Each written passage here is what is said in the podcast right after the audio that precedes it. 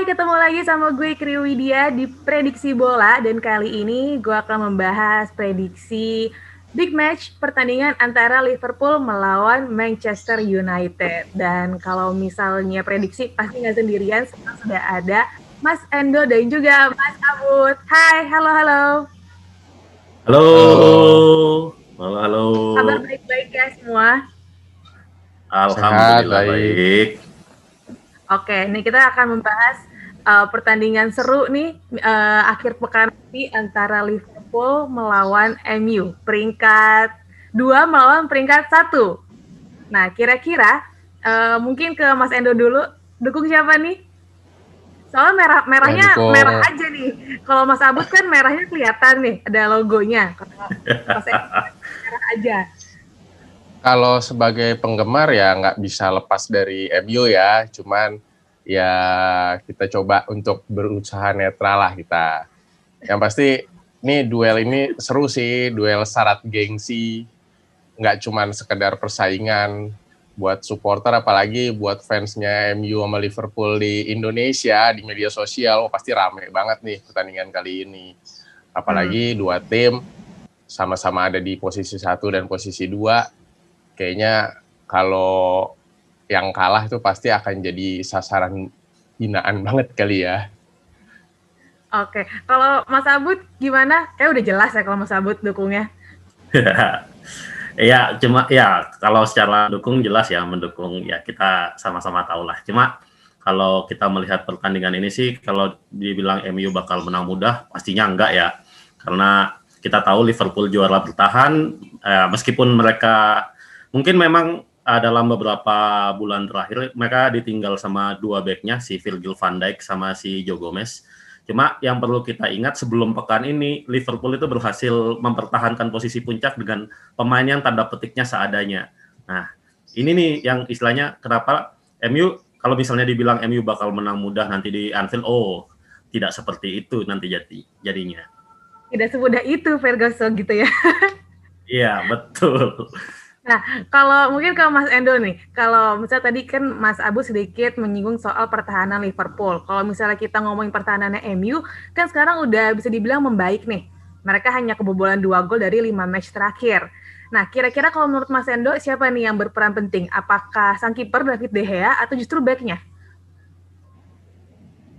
Uh, kalau ngelihat dari performa berapa pekan terakhir sih uh, kolaborasi kolaborasinya cukup bagus ya antara kiper dengan back. Tapi uh, semoga belakangan ini konsistensi yang diperlihatkan MU di belakang itu tetap terjaga ya. Karena kita tahulah sebelum-sebelumnya MU itu tidak konsisten juga karena uh, lini belakangnya. Entah Maguire suka blunder atau ada hal yang lain. Apalagi di lawan Liverpool ini mereka benar-benar harus fokus. Sadio Mane, Firmino salah walaupun kemarin beberapa pertandingan terakhir juga uh, ketajamannya dipertanyakan ya ini karena ini adalah laga yang sangat syarat gengsi bisa jadi malah mereka termotivasi untuk memberikan uh, penampilan terbaik dan bisa bikin De Gea, uh, Maguire bisa blunder lagi kita nggak ada yang tahu. Nah kalau misalnya uh, Mas Abut nih Mas Abu setuju nggak? Banyak kan yang bilang kalau MU nih ketergantungan banget sama Bruno Fernandes. Setuju nggak tuh? Iya, uh, ya kita kita tidak bisa menyangkal statistik ya. Kita lihat musim ini uh, Bruno itu dia pencetak gol kedua terbanyak MU. Dia jumlah dia juga memimpin jumlah assist. Cuma kalau misalnya kita perhatikan dalam dua apa tiga pertandingan terakhir, sebenarnya Bruno itu mainnya udah mulai menurun ya.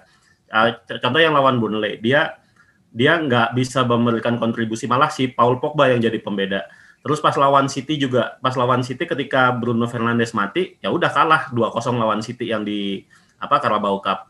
Dan memang betul ketika apa ya Bruno kalau bisa dibilang dia sekarang rohnya, nyawanya permainan MU sekarang. Cuma uh, ada beberapa pemain yang sekarang istilahnya performanya udah mulai menaik kayak Paul Pogba dia udah mulai bisa menjadi pembeda. Jadi uh, istilahnya uh, bebannya Bruno sebagai game changer itu sedikit udah mulai sedikit banyak berkurang meskipun memang dia masih ya intinya permainannya MU sih. Hmm. Nah, kira-kira kalau menurut Mas Abud apa nih yang akan mungkin yang akan dilakukan oleh oleh Gunnar Solskjaer untuk bisa uh, mengalahkan Liverpool selain bertumpu ke Bruno Fernandes ya? Kira-kira ada lagi nggak?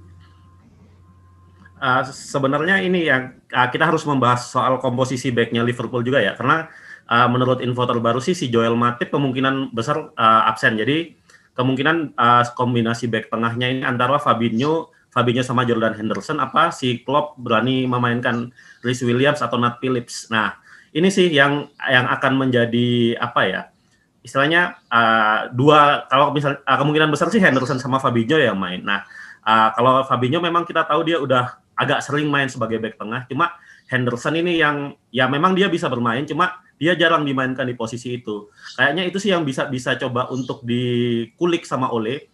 Istilahnya uh, karena Henderson ini kemampuan bertahannya juga tanda petiknya pas-pasan. Nah ini uh, dulu tuh striker-striker cerdik. Nah kalau kita bicara MU, kita tahu kan MU kan suka cari penalti nih. Nah ini uh, tugasnya kalau misalnya si Martial misalnya fit, dia si Martial fit, dia bisa istilahnya ya main-main dikit lah di dalam kotak penalti jatuh-jatuh dikit eh dapat penalti. Ya itu dia sih kalau menurutku itu satu.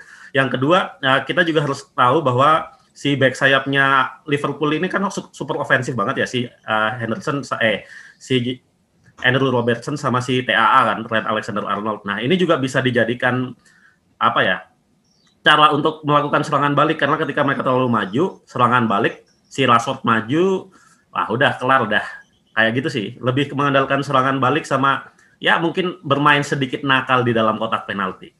Hmm, nah, kalau menurut Mas Endo gimana? Tadi kan Mas uh, Abud sedikit menyinggung soal Martial nih. Uh, kira-kira, maksudnya walaupun nanti kan masih diragukan nih Martial turun atau enggak akhir pekan nanti. Nah, kalau misalnya menurut Mas Endo, kenapa sih kira-kira Martial nih oleh nih belum mempercayakan sepenuhnya ke Martial nih untuk lini depannya MU. Kira-kira kenapa nih kalau menurut Mas Endo?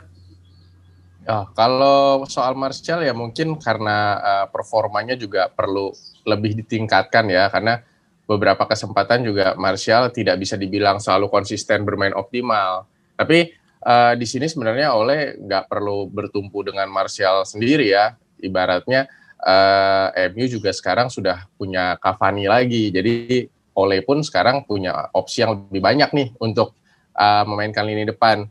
Plus kalau kita ngomongin soal lini serang, ya di lini keduanya pun ada beberapa opsi. Ada Rashford, Fernandes yang uh, seperti Mas Abud bilang tadi menjadi nyawa permainan MU. Kemudian juga Pogba yang uh, pertandingan terakhir jadi penentu kemenangan. Jadi intinya sih sebenarnya Ole uh, punya banyak opsi untuk optimis bisa meraih kemenangan Walaupun kalau kata Mas Abu tadi tidak akan mudah di Anfield bisa meraih kemenangan buat MU. Hmm. Tapi Mas Hendro setuju nggak kalau misalnya dibilang kelebihan Liverpool itu berarti dibandingkan oleh MU saat ini adalah lini depan mereka?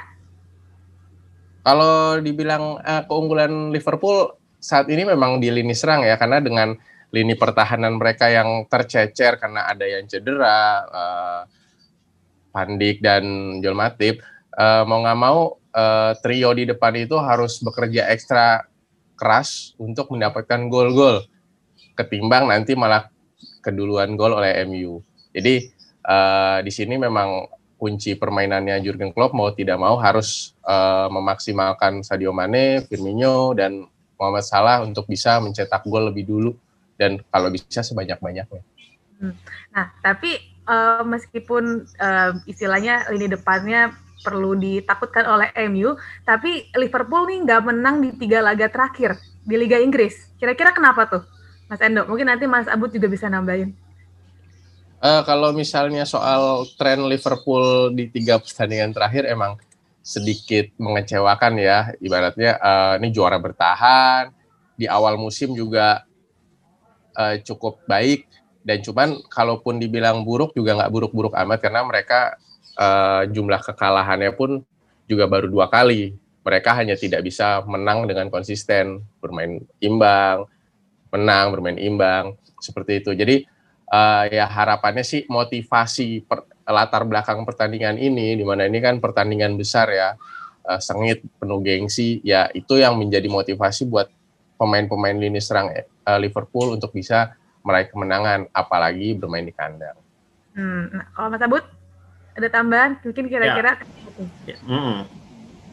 kalau misalnya kita lihat trennya Liverpool sebenarnya habis udah bisa diprediksi sih. Kenapa? Karena dalam satu bulan terakhir kan lagi festive period ya. Satu minggu bisa main dua kali, tiga kali. Nah, sementara kita tahu Liverpool ini skuadnya tipis banget.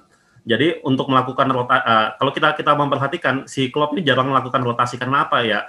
Pemainnya juga nggak nggak nggak ada pemainnya, uh, rotasinya sedikit. Nah ini juga mempengaruhi fisiknya para, pemain karena setiap minggu main dua kali, tiga kali, dua kali, tiga kali, otomatis capek ya burn out ya.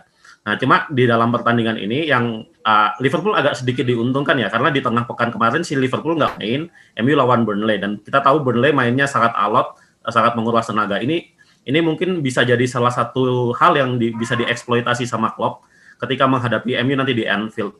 Sama terus yang jadi catatan juga uh, MU ya benar dia beberapa pertandingan terakhir ini bagus, cuma yang kita harus uh, perhatikan bahwa mereka belum melawan lini serang lini serang yang top chair istilahnya ketemu striker-striker kayak Firmino, Salah, Mane. Nah, ini sih yang akan jadi ujian buat uh, lini pertahanan MU soalnya uh, kemungkinan besok kan yang main kan si Bailey sama si Maguire. Kalau Maguire juga uh, memang per permainannya udah mulai membaik, udah udah mulai konsisten. Cuma Bailey juga super oke. Okay. Cuma masalahnya kita harus ingat Bailey ini kadang ini sering ngelawak istilahnya bikin pelanggaran-pelanggaran konyol yang nggak perlu. Nah, ketika melawan striker-striker yang kelas atas kayak gini, kalau misalnya dia kepancing, wah ya udah habis dah. Ini sih yang harus diwaspadai oleh nanti ketika main ke Anfield.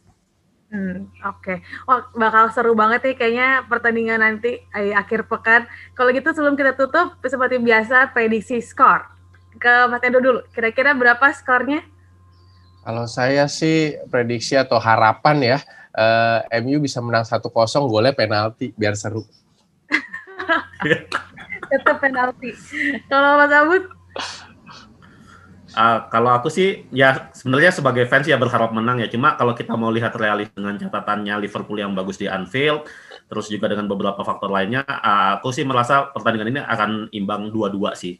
Karena kedua tim sama-sama punya lini serang yang bagus, tapi lini pertahanannya agak-agak gimana gitu ya. Hmm. Tapi dua-dua ada penalti. Feeling-feelingku ada sih. Feeling-feelingku ada sih. Oke deh kalau gitu nanti kita lihat saja siapakah yang akan memenangkan pertandingan atau bahkan kalau kata Mas Abud tadi seri ya. Kalau gitu makasih ya Mas Endo dan juga Mas Abud.